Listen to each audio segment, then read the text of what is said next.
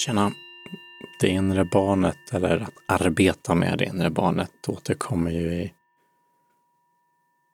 flertalet psykoterapeutiska metoder och i olika fraktioner av, skulle jag säga, andliga grupperingar. Det är, eh, ja men jag har väl sett det allt från eh, människor som håller på med lite mer esoteriska grejer som eh, breathwork eller andning, frigörande andning säger man på svenska ibland, holotropisk andning, schamansk eh, eller schamanistisk andning. Vi ser det i eh, mer, något mer ändå tror jag alternativa metoder om man slår på Wikipedia men i många delar av världen är det eh, gängs eller fullt legitima metoder. Då tänker jag exempelvis på somatic experiencing eh, av Peter Levine och eh,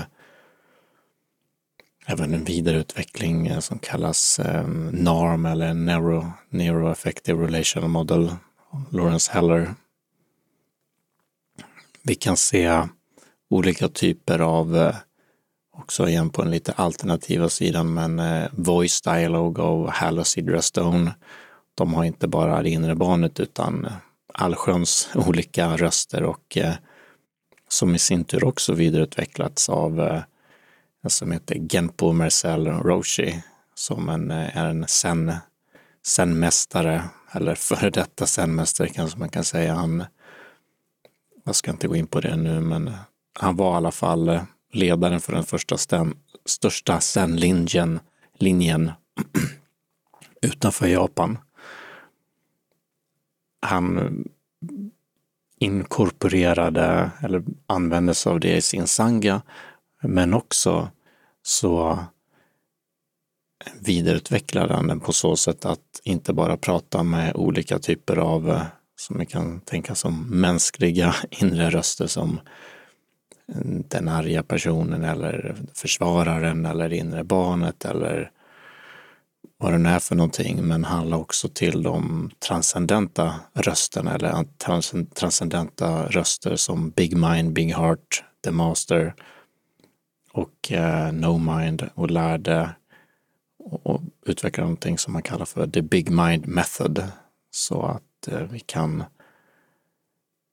lär oss att komma i kontakt med de delarna av oss själva som eh, eftersträvas att människor ska uppleva i zen-praktik. Då.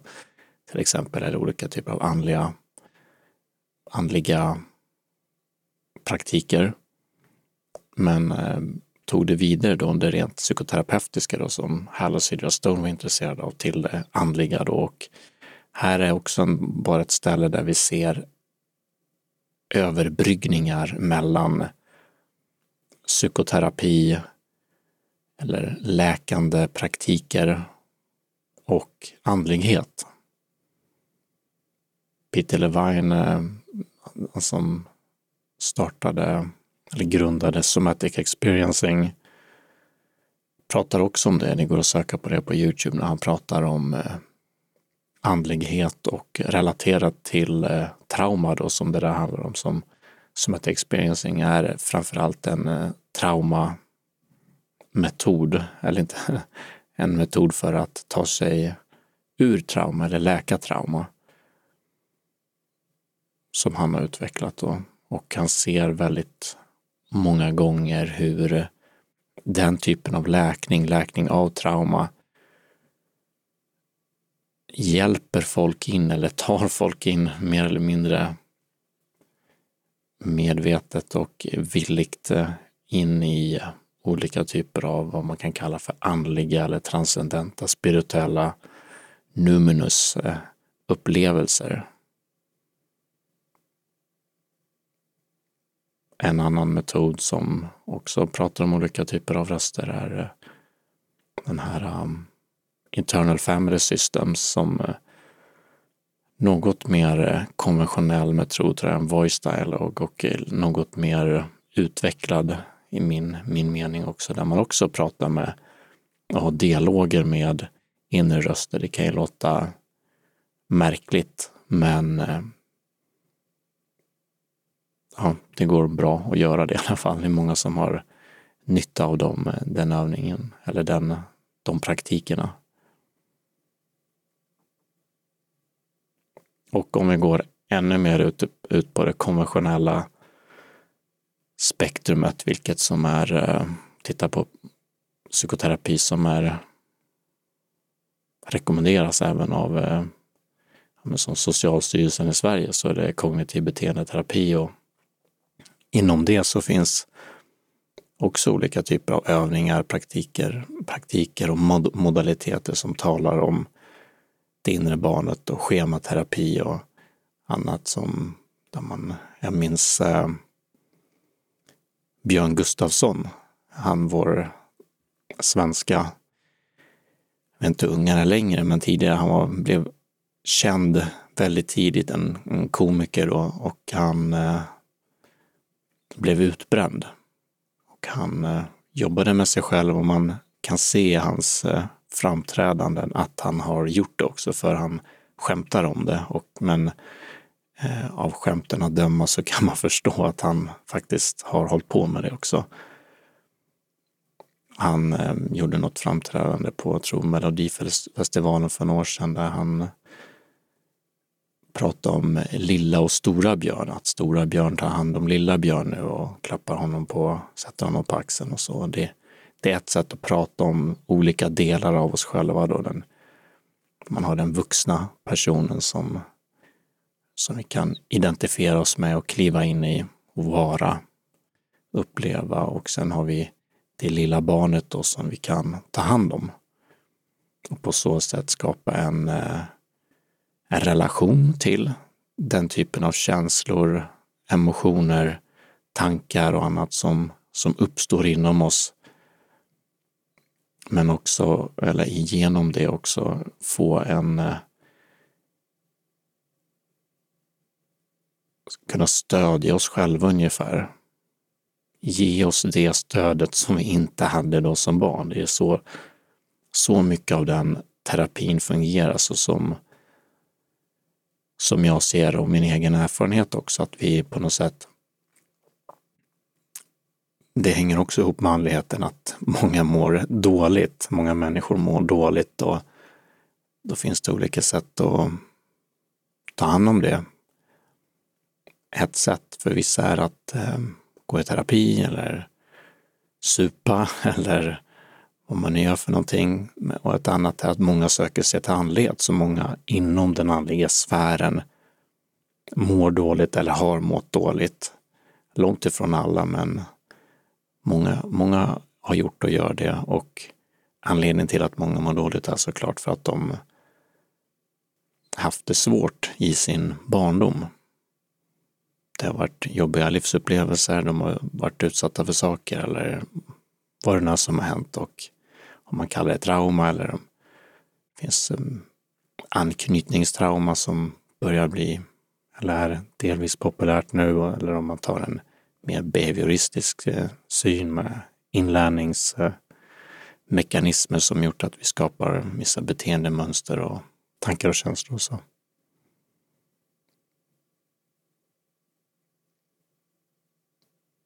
Men kontentan är i alla fall att människor mår dåligt av olika anledningar som många gånger har med jobbiga händelser att göra eller en, en tuff uppväxt eller något annat. Rent biologiska saker kan det också vara. Kan ha haft oflyt i det biologiska lotteriet. Och det är såklart en, en blandning av allt möjligt som biologi och miljö.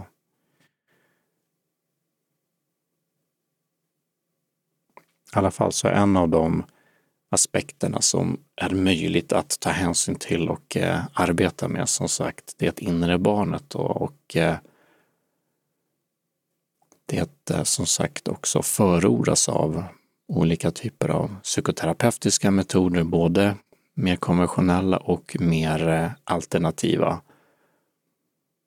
Och jag tänkte gå in lite grann på det jag har erfarenhet av. Jag har bland annat erfarenhet av somatic experiencing och den typen av övningar och även ehm, den här, om man får kalla det för vidareutveckling ehm, av den modellen som eh, Lawrence Heller då har som heter Neuroaffective Relation Model. Jag är inte så superintresserad av eh, ehm, teorierna bakom olika typer av metodiker. Vi, I slutändan så handlar det bara om vad som fungerar ändå. Och det finns ganska mycket forskning som både historik som visar att eh, våra förklaringsmodeller för olika typer av fenomen och eh, varför olika typer av psykoterapiformer förändras över tid. Idag skrattar många åt Freuds teorier och tänker gud vad knasigt och knäppt det var. Eller för den delen Jean Piagets, barnpsykologens, eh, som, han var ju väldigt stor på sin tid. Och med största sannolikhet så kommer vi om 30 år eller mindre än det titta tillbaka på hur vi såg på det mänskliga sinnet och eh, vad som fungerar idag och eh, tycka det var lika knasigt hur vi kunde tro det som vi tror om hur det var för 30, 40, 50 år sedan nu. Sen är det många grejer som kommer igen också som Freuds teorier exempelvis och om det omedvetna, kanske inte hans Oidipuskomplex eller Elektrakomplex, men hans idéer om det omedvetna är när eh, jag läste biologisk psykologi på, eh, på universitetet så pratade vår professor där om hur, eh, hur han hade rätt om det omedvetna, hur mycket det styr oss i vår vardag. Även om eh, ur ett neuropsykologiskt perspektiv då, som inte Freud hade eller kunde ha då, eftersom vi hade inte den tekniken att, eh, som sådana fMRI som det heter, och funktionell magnetkamera röntgen och titta på människors hjärnor i realtid. Han drog de slutsatserna av eh, att ha samtal med människor och tänka. Det är det också, om man läser originaltexterna till, av honom eller av Jean Piaget eller något sånt där som har blivit cancelled, om man ska använda ett modernt uttryck, så ser man att det är genier. Eh, de är otroligt eh, smarta, intelligenta individer och sådär som, eh, som skrev de här teorierna som sen förenklats väldigt mycket och, och eh, ja, jag ska inte gå in på det nu, men poängen är bara att de förändras över tid. Det finns en del forskning idag också som tyder på att eh, väldigt många olika typer av psykoterapeutiska metoder fungerar. Och ungefär lika mycket. Och de stora skillnaderna i utfall har inte så mycket med metoder utan mer eh, andra faktorer som relationer mellan terapeut och patient, om man har tro och hopp på, på terapimetoden. Med den typen av vad man kallar för andra generella övergripande bakomliggande eh, gemensamma common factors-modellen brukar man kalla det. Och att vi ser mycket större skillnader mellan olika terapeuter än mellan olika metoder. Så det finns de som är, håller på med KBT och får jättebra resultat och de som får kassaresultat. Det finns psykodynamiker som håller på med psykodynamiska metoder då och får jättebra eller jättekassa resultat. Och vi ser mer skillnader då mellan terapeuter, psykoterapeuter än, eller psykologer än mellan eh, metoder så eh, omständligt sätt att säga att, jag, att varför någonting fungerar är underordnat dess eh, effekt. Så ett av de metoderna i alla fall är att prata om det inre barnet. Och varför jag nämnde det tidigare lite grann är att eh, olika människor kan tänka olika om finns det något inre barn där på riktigt eller håller jag på och fantiserar? Och igen, i min värld spelar det ingen som helst roll, utan fungerar eller fungerar inte är det som spelar roll. Och det verkar som att eh, jobba med någonting vi, kallar, vi kan kalla för det inre barnet verkar ha effekt för många. Om vi vill göra det till något mera konkret, rationellt, eh, så skulle vi kunna kalla det minnen från nervsystemet till exempel. Att vi har ju ett nervsystem som eh, formats eh, genom vår uppväxt och eh, det går ekon ifrån det, eller vi, det minns vad som har hänt. Det är så trauman fungerar om någon blir exempelvis ehm, misshandlad i en gränd någonstans så kommer den personen att ofta, allt som oftast må dåligt när den tänker på det eller går dit eller något annat. Och det är för att vi minns, vi minns det och det, det är inte bara en kognitiv grej utan det sitter i hela kroppen då. Så somatic experience, så är somatic är ju att det är kroppen då, så att till ett fokus på just nervsystemet och eh, det kroppsliga minnet och att vi, när vi tra blivit traumatiserade då, som är den terapimetoden, så, eller där barnet, inre barnet blivit skrämt traumatiserat, så i nervsystemet så har det uppstått då en typ av otrygghet, rädsla, en, eh, som en knut, hur man nu vill tänka kring det. Det är förklaringsmodellen, är det en förklaringsmodell, väldigt simpel från mig nu.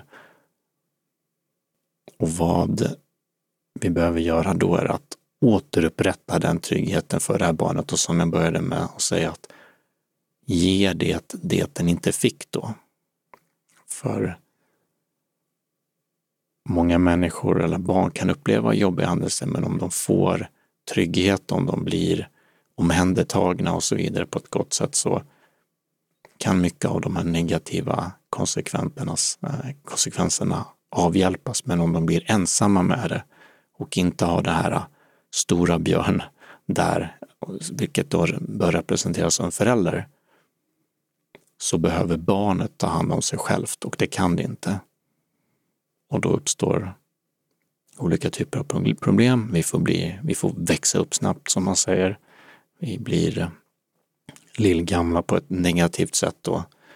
Eh, tar för stort ansvar för oss själv och andra, eventuellt andra, än vad ett barn bör göra. Och vi, med det också så behöver vi, eller gör vi, så stänger vi också av delar av oss själva. Vi stänger av den kanske naturliga spontaniteten, nyfikenheten, utforskandet som är förenat med, eller synonymt med ett barn och att vara må bra eh, och vara trygg. När vi tryggas så utforskar vi, då är vi nyfikna, då är vi sugna på saker. När vi är blivit rädda och skrämda så blir vi att vi kontrollerar oss själva, vi kontrollerar vår kropp, vi kontrollerar vårt sinne. Vi blir eh, motsatsen till spontana, nyfikna, utforskande. Och så växer vi upp och så blir vi människor, eller vuxna människor, som har kvar de här, äh, det nervsystemet då som formades äh, när vi var barn och det finns då, och det skapar problem då. Så vi, i anknytningsterapin så tittar man på anknytningen då mellan föräldrar och barn som har format ett visst anknytningsmönster som man säger och det återspeglas i våra sedan vuxna nära relationer som vi har haft, behövt. Om vi inte fått den närheten exempelvis vi behöver så är det ett försvar att und vara undvikande eller bli undvikande som är ett anknytningsmönster och då då litar vi inte riktigt på att det finns någon där och därför kan vi inte vara öppna riktigt i relationer utan vi håller oss lite på vår kant vi är lite känslomässigt avstängda. Vi, och i relationer så är vi inte riktigt där då, 100 procent, och vi har inte den här tryggheten. Så man kan säga att vi återupprepar det eh, överlevnadsmönstret som vi hade som barn i vuxna relationer. Det är bara en anknytningstyp, sen finns det flera andra som ambivalent, undvikande och desorganiserad. Och inom det här norm eller neuroaffective relational model så finns det en annan typ, ett annat sätt att se på det här med anknytningsmönster. Olika utvecklingsfaser som, eller vad som kan hända vid olika utvecklingsfaser och vad det leder till. Blev väldigt mycket teorier. Eh, det var inte min eh, intention. Men tillbaka till det här barnet då. Så vi tänker oss att vi har ett litet barn inom oss. Vi har det här nervsystemet som blev format och, eh, om vi vill säga det, traumatiserat vid olika tillfällen. Antingen på enstaka händelser eller men också många gånger i relationsmönster med, med eh, vårdnadshavare. Och vi har vuxit upp till idag då och bär det här med oss. Som en ryggsäck om man så vill.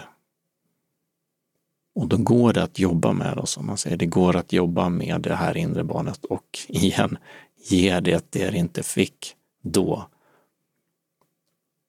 Och det är den här tryggheten att få stora björn, att eh, få, få vara barn igen och bli omhändertagen. Jag tänkte nämna ett par övningar som jag själv har erfarenhet av och eh, tycker har varit hjälpsamma. Så en sån övning är att eh, helt enkelt hålla om sig själv. Det är ju någonting som ett barn som blir ledsen eller liknande behöver, att någon håller om en. Och som, då kan vi gå in i stora björn eller den vuxna rollen och hålla om oss själva rent fysiskt. Alltså bara ta, ja, för det som lyssnar ser inte det, men man bara tar händerna och håller om sig själv. Och det är min upplevelse är en väldigt skönt och behagligt trygghetsskapande. Och igen, det här nervsystemet, om vi ser på det i, i, på det sättet, så är det här någonting som precis som det över lång tid har blivit otryggt, så tenderar det att, om man har lyssnat på olika traumaexperter då, ehm, så tenderar det att ta lång tid med exempelvis anknytningstrauma. Det tar ofta många år att bli bättre, att må bättre. Tyvärr, får man säga. Och tyvärr så kommer du aldrig vara eh, så som du hade varit om du inte varit med om det du var med om. På gott och ont, man ska säga. Det finns ju en massa positiva grejer med det, men du kommer aldrig ha ett nervsystem så som det hade varit om det var typ oskadat. Alla blir ju i olika utsträckning påverkade. Såklart inga som lever perfekta liv, men ja, så är verkligheten, skulle jag säga. Men det går att må bättre och väldigt mycket bättre. Så att träna om, jag hade en video tidigare här om att träna sig själv i tacksamhet och självkärlek, så det här är ett annat sätt att träna om eller älska om sitt inre barn då, exempelvis då med att hålla om sig själv. Ett annan, en annan grej som är att, igen för att um, bygga trygghet, som Lawrence Heller och jag tror det är hans fru Diane Poole Heller också rekommenderar att se för sitt inre människor från sitt förflutna eller människor i nutid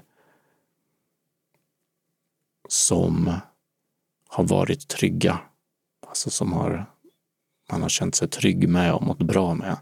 Så man kan blunda och bara se för sitt inre vem, ja, men någon person som man verkligen mår bra av och se den personen in i ögonen eller se den personen i ögonen och känna i kroppen då, det är det somatic experiencing grejs i mojset, att vi känner hur det känns i vår kropp när vi känner oss tryggare i alla fall. Det Behöver inte nödvändigtvis vara att vi känner oss helt trygga, men lite tryggare som när vi håller om oss själva eller nu ser en person om du gör den här övningen nu samtidigt. Jag ser två ögon framför mig från en, en kompis pappa som jag gillade väldigt mycket och han var väldigt schysst. Och då, och då känner jag i min kropp, det känns bra. Jag mår bra av det. Det känns tryggt. På liknande bog så kan vi också minnas tillfällen då vi mådde bra eller mådde som bäst till och med. Så um, nu blir det övningar här. Så du får göra det om du känner för det, annars är det bara skippa det. Men en annan övning är igen, jag brukar blunda, eller brukade göra det när jag gjorde de här, och försöka minnas en plats eller ett tillfälle där du mådde som bäst eller mådde bra, du var glad eller avslappnad, kände dig trygg. Jag minns exempelvis när jag var på ett, eh, jag jobbade som byggjobbare och var uppe på ett tak. Och satt där, hade, minns inte vad det var, men jag bara kände som en total frid vid ett tillfälle, nästan som en öppning eller uppvaknande upplevelse. Och när jag tänker på det och känner in det, då minns mitt nervsystem, min kropp och allting det och jag mår likt hur jag mådde då. Och då igen tränar jag min kropp att känna så. Och jag bygger, jag tar lite otrygghet, eller jag byter ut lite otrygghet mot trygghet. Tror jag snackar alldeles för snabbt för, för någon att hänga med och göra övningar, så alltså, jag ber om ursäkt för det. Man kan alltid pausa och göra den. Gå vidare på en till övning från eh, eh, Peter Levine. Han gör en övning som man kallar för VO, VO-övningen. Och det är eh, att göra ett ljud ljudet är Vo, låter Vo. Jag ska göra det nu. Jag får be om ursäkt om det låter knasigt i mikrofon. Jag hoppas jag kan rätta till om det gör det. Men man sitter, man kan lägga händerna på magen eller på bröstet och magen. Det gör jag ibland. Och så säger man Vo.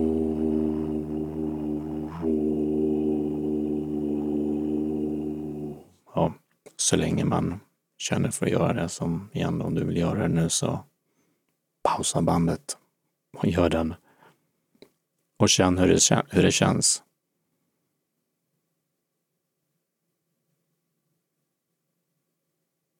Där ser vi också kopplingar till andlighet skulle jag säga. För om vi tar den, den buddhistiska traditionen där jag har en del erfarenhet, sen, sen buddhistiska, då sjunger man i det man säga, man tar en djup, en av de djupare, mörkare tonerna som man kan. Och så reciterar man då som det heter ehm, ja, de texter som man reciterar i det tonläget, i det tonfallet om man sitter med kroppen upprätt. Och så det kan bli de här vibrationerna också då. Jag försöker komma på ett namn här på ett, ehm, ställe där, däromkring som man tror en del trauma lätt sätter sig, men vi kan kalla det för magen bara. Att eh, det knyter sig i magen på oss. Vi säger men jag fick ont i magen, det är när man är orolig, mår dåligt och så. Så när vi gör den här övningen och är avslappnad i kroppen, då gör vi det motsatta, kan man tänka, till att eh, ha en knut i magen. Och vi efterliknar ju då lite intressant många av de här andliga spirituella traditionerna. De gör också den här typen av ljud. Varför är det så? Kan du fundera på själv. det är i alla fall en till, göra vo. Det går också att kombinera det om man vill göra det komplext. eller jag gillar att eh, maxa saker så jag eh, kan, man kan hålla om sig själv, göra WoW-övningen och se, tänka på en händelse som är en tillfälle där man mådde väldigt bra eller de här ögonen där man känner sig väldigt trygg med. En annan övning är att fantisera ihop en plats. Det kan vara en riktig plats där man varit på eller en plats där man inte varit som finns i ens fantasi. Det är samma sak också med personer. Man kan ta en fiktiv människa också och eh, se de ögonen och se att det känns. Det kan till och med kan vara ett djur också som man känner sig trygg med. Riktigt eller påhittat. Det spelar whatever works då. Det spelar ingen roll vad det är. Här är då en plats som man tänker sig att man är på och gör den till precis den platsen som passar en själv perfekt.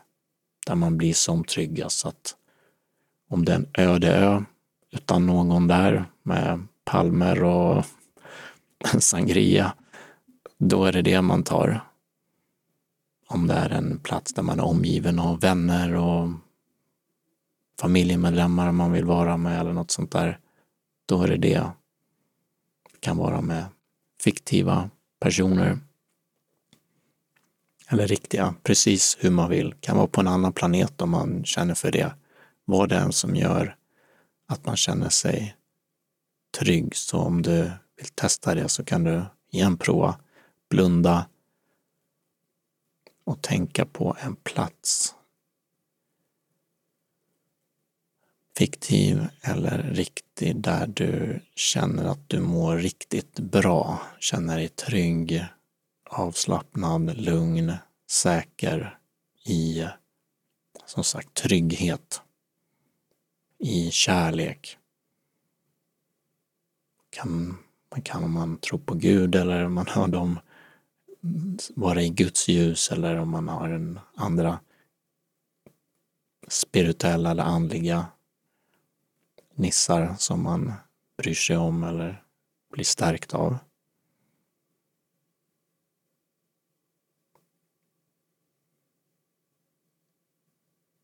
Vad som än som var den som funkar som gör oss tryggare. En till övning är att eh, se sig själv eller se sig själv som ett barn framför sig. Och, och eh, prata till sig själv. Man kan se, man, igen, det här är fantasi, man kan tänka att det är knasigt och påhittat. Och det är det. Det är det. Saken är bara att det verkar som att när vi gör de här sakerna så mår vi bättre. Men om man inte känner för att göra det ska man såklart inte göra det. Men det är en till övning att se sig själv framför sig. Man kan ha en kudde där eller som representerar det eller bara låtsas och se det barnet framför sig och prata till då antingen i huvudet eller rakt ut och säga vad man vill säga. Gärna någonting snällt då.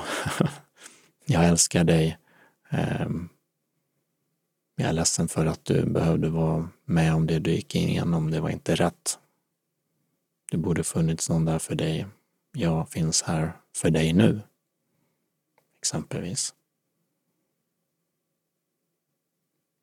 Man kan till och med prova att ha den här dialogen som man har i Internal Family Systems, systems och säga vad behövde du? Vad behöver du? Vad kan jag göra för dig? Och lyssna inåt och se om man får ett svar på det.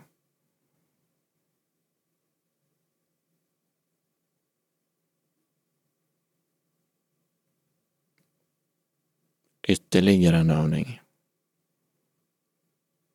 Det är att eh, titta på kort på sig själv som barn. Så när vi Många har ju bilder från skolåren eller andra privata bilder. där vi var barn. Och då kan vi titta på dem. Och jag vet en del som jag pratar med som gjort den har haft svårt att överhuvudtaget se sig själva som barn för det är så jobbigt. Jobbigt att minnas. Men som de säger inom KBT och andra, även inom buddhismen, eh, flera tusen år sedan, att i den utsträckning vi klarar av det i alla fall och det finns en någon, någon sån här grundtrygghet så mår vi ofta bra när vi i lagom mängd exponerar oss för saker som vi tycker är jobbigt för att på så sätt habitera till det. Och habitera i det här fallet till att lära oss älska oss själva. Lära oss att älska det här barnet som mådde dåligt under sin uppväxt. Delvis åtminstone. Åtminstone. Så då tar vi en bild på oss själva som barn, så tar vi fram den och så tittar vi på den och ser hur vi känner. Även där kan vi säga det vi känner för. Helst något snällt. Och notera också hur det känns och det kan vara igen då jobbigt. Och är det för jobbigt så är det bara låta bli. Precis som allt annat här. Vi gör det vi känner för och tycker är bra.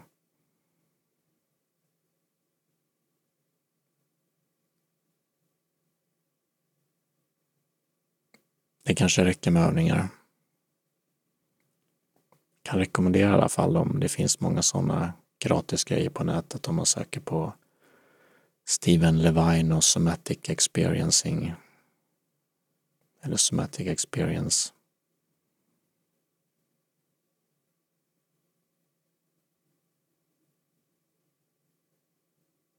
En sista övning tar vi.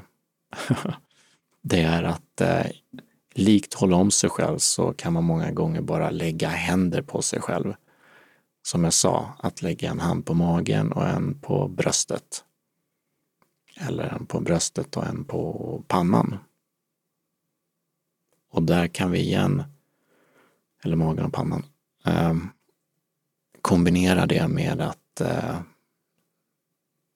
tänka på någonting som gjort oss glada eller någonting som ögon som vi blir trygga med eller platser som vi mår bra av. Och känna hur det känns i kroppen, för det är det här att minnas hur det känns att må bra och att programmera om oss själva, vårt nervsystem, det inre barnet, eller lära om att inse nu att nu är det som hände inte längre här.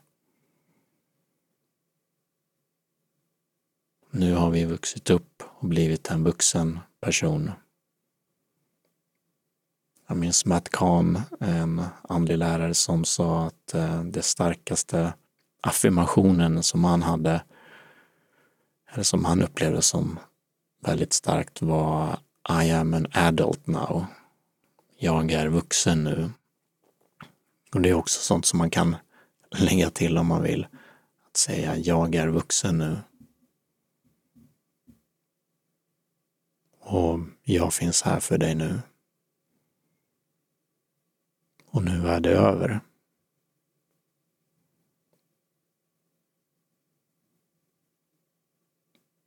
Och det räcker inte med att göra det en gång som sagt, utan vi kom jag på vad jag tänkte på förut, eh, Steven Porges eller vad han heter, det, som skriver om the vagus nerve, vagusnerven, det, det är den som vi så vitt jag förstår kan påverka genom att eh, göra den här VO-övningen. Den påverkas av annat också men det är en och det jag tänkte på.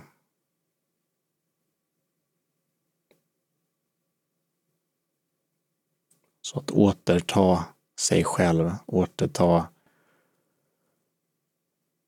få tillbaka den tryggheten som de flesta barn föds med, som gör att vi är spontana, utforskande, nyfikna, men som av olika anledningar stänger ner då. Så när vi gör de här övningarna så blir vi tryggare långsamt. Här då, som jag tryckt på många gånger. Långsamt, långsamt så blivit tryggare. Mer nyfikna på världen. Mer spontana och mer oss själva.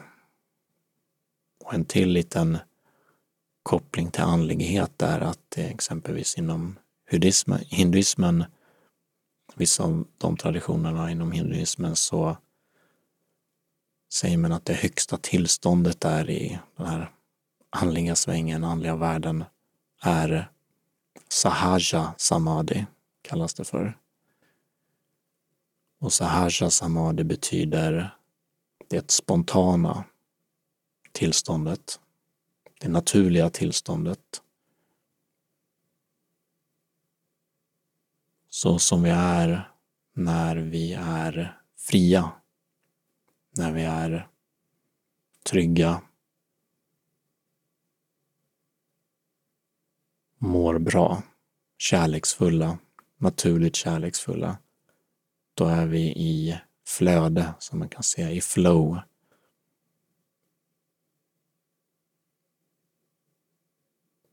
Och vi får mer av det ju tryggare vi blir och det som är positivt är att även om vi varit med om jobbiga saker så finns det goda möjligheter att eh, på olika sätt eh, återta, som sagt, den här tryggheten som delvis gick förlorad. Och om vi orkar och kan och har möjlighet att lägga ner lite jobb på det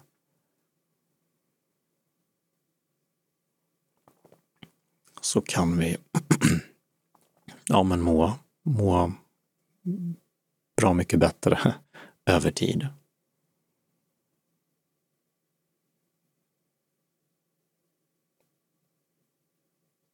Så vi får, får känna den här kärleken och kan bli lugna och trygga. Och för det här har igen kopplingar till andlighet och andligt utövande och uppvaknande upplysning. Mm, också en tidigare video jag pratade om att,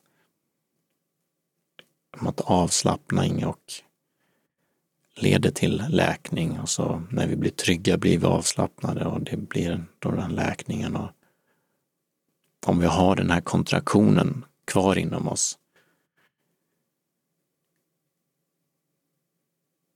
Så får vi det motsatsen till att vara avslappnade och öppna, vilket är det naturliga tillståndet.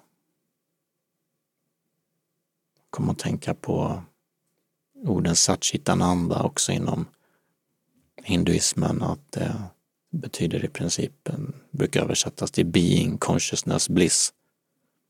Som varande, medvetande, salighet kanske man kan säga på svenska. Det är det naturliga tillståndet för oss. Men på grund av att vi är inkarnerade då i den, den eh, begreppsvärlden eller den eh, tron och utöver det har föds med, ja men, i mänskliga kroppar då som har de här nervsystemen och har hjärnan och kroppen och allt. Så, och vi identifierar oss med det, de tankarna, känslorna, kroppen. Så upplever vi inte det här ursprungliga, naturliga, spontana som vi egentligen är. Som vi har tillgång till hela tiden och det är väl värt, väl värt att nämna att det inte att vi behöver bli perfekta människor. Igen, dessa trauman, alltså de här människor som har gått den här andliga vägen då och fått olika typer av uppvaknanden eller kommit långt där, man ska säga, är många gånger djupt traumatiserade. Och det är inte att de är helt kvitt eller, men det kan till och med vara att trauman, traumat gör att, eller sätter dem på en bana av att göra det här utforskandet inom att hitta tillbaka till sig själva. Så det kan också ses som, eller vara en typ av hjälp eller stöd, att ge en push. Jag minns eh, en annan svensk, Peter Jöback, eh, pratade om hans, eh, att han var utsatt för, för övergrepp av någon som, som barn, tror jag, eller ungdom. Och att det var han, in, var han på ett sätt tacksam för, för det, hade, det skapade mycket av den rörelsen för honom att, som han idag har nytta av också. Han önskar det såklart inte på någon annan. Det är möjligt att jag minns det här fel också, men det var någonting som jag kopplar till det här att människor som utsätter andra för saker, människor som utsätter andra människor för hemskheter gör ju fel, men vi som blir utsatta för det har möjligheten att använda oss av det. Det kan bli bränsle också för vår andliga utveckling, vår personliga utveckling, vårt uppvaknande, vår kärleksfullhet och hur vi kan bidra till vår egen läkning, till andra människors läkning, till kärlek och frid här på jorden om man vill använda stora ord.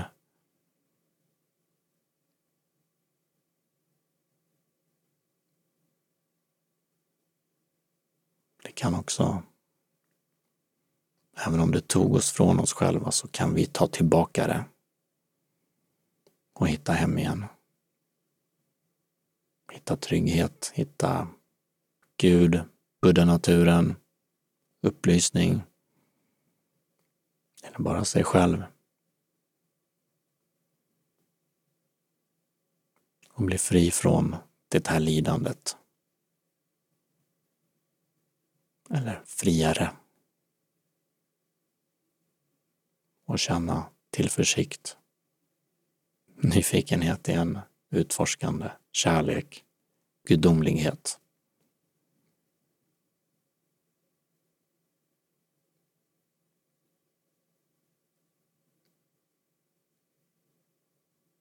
Det var det för idag. På återseende.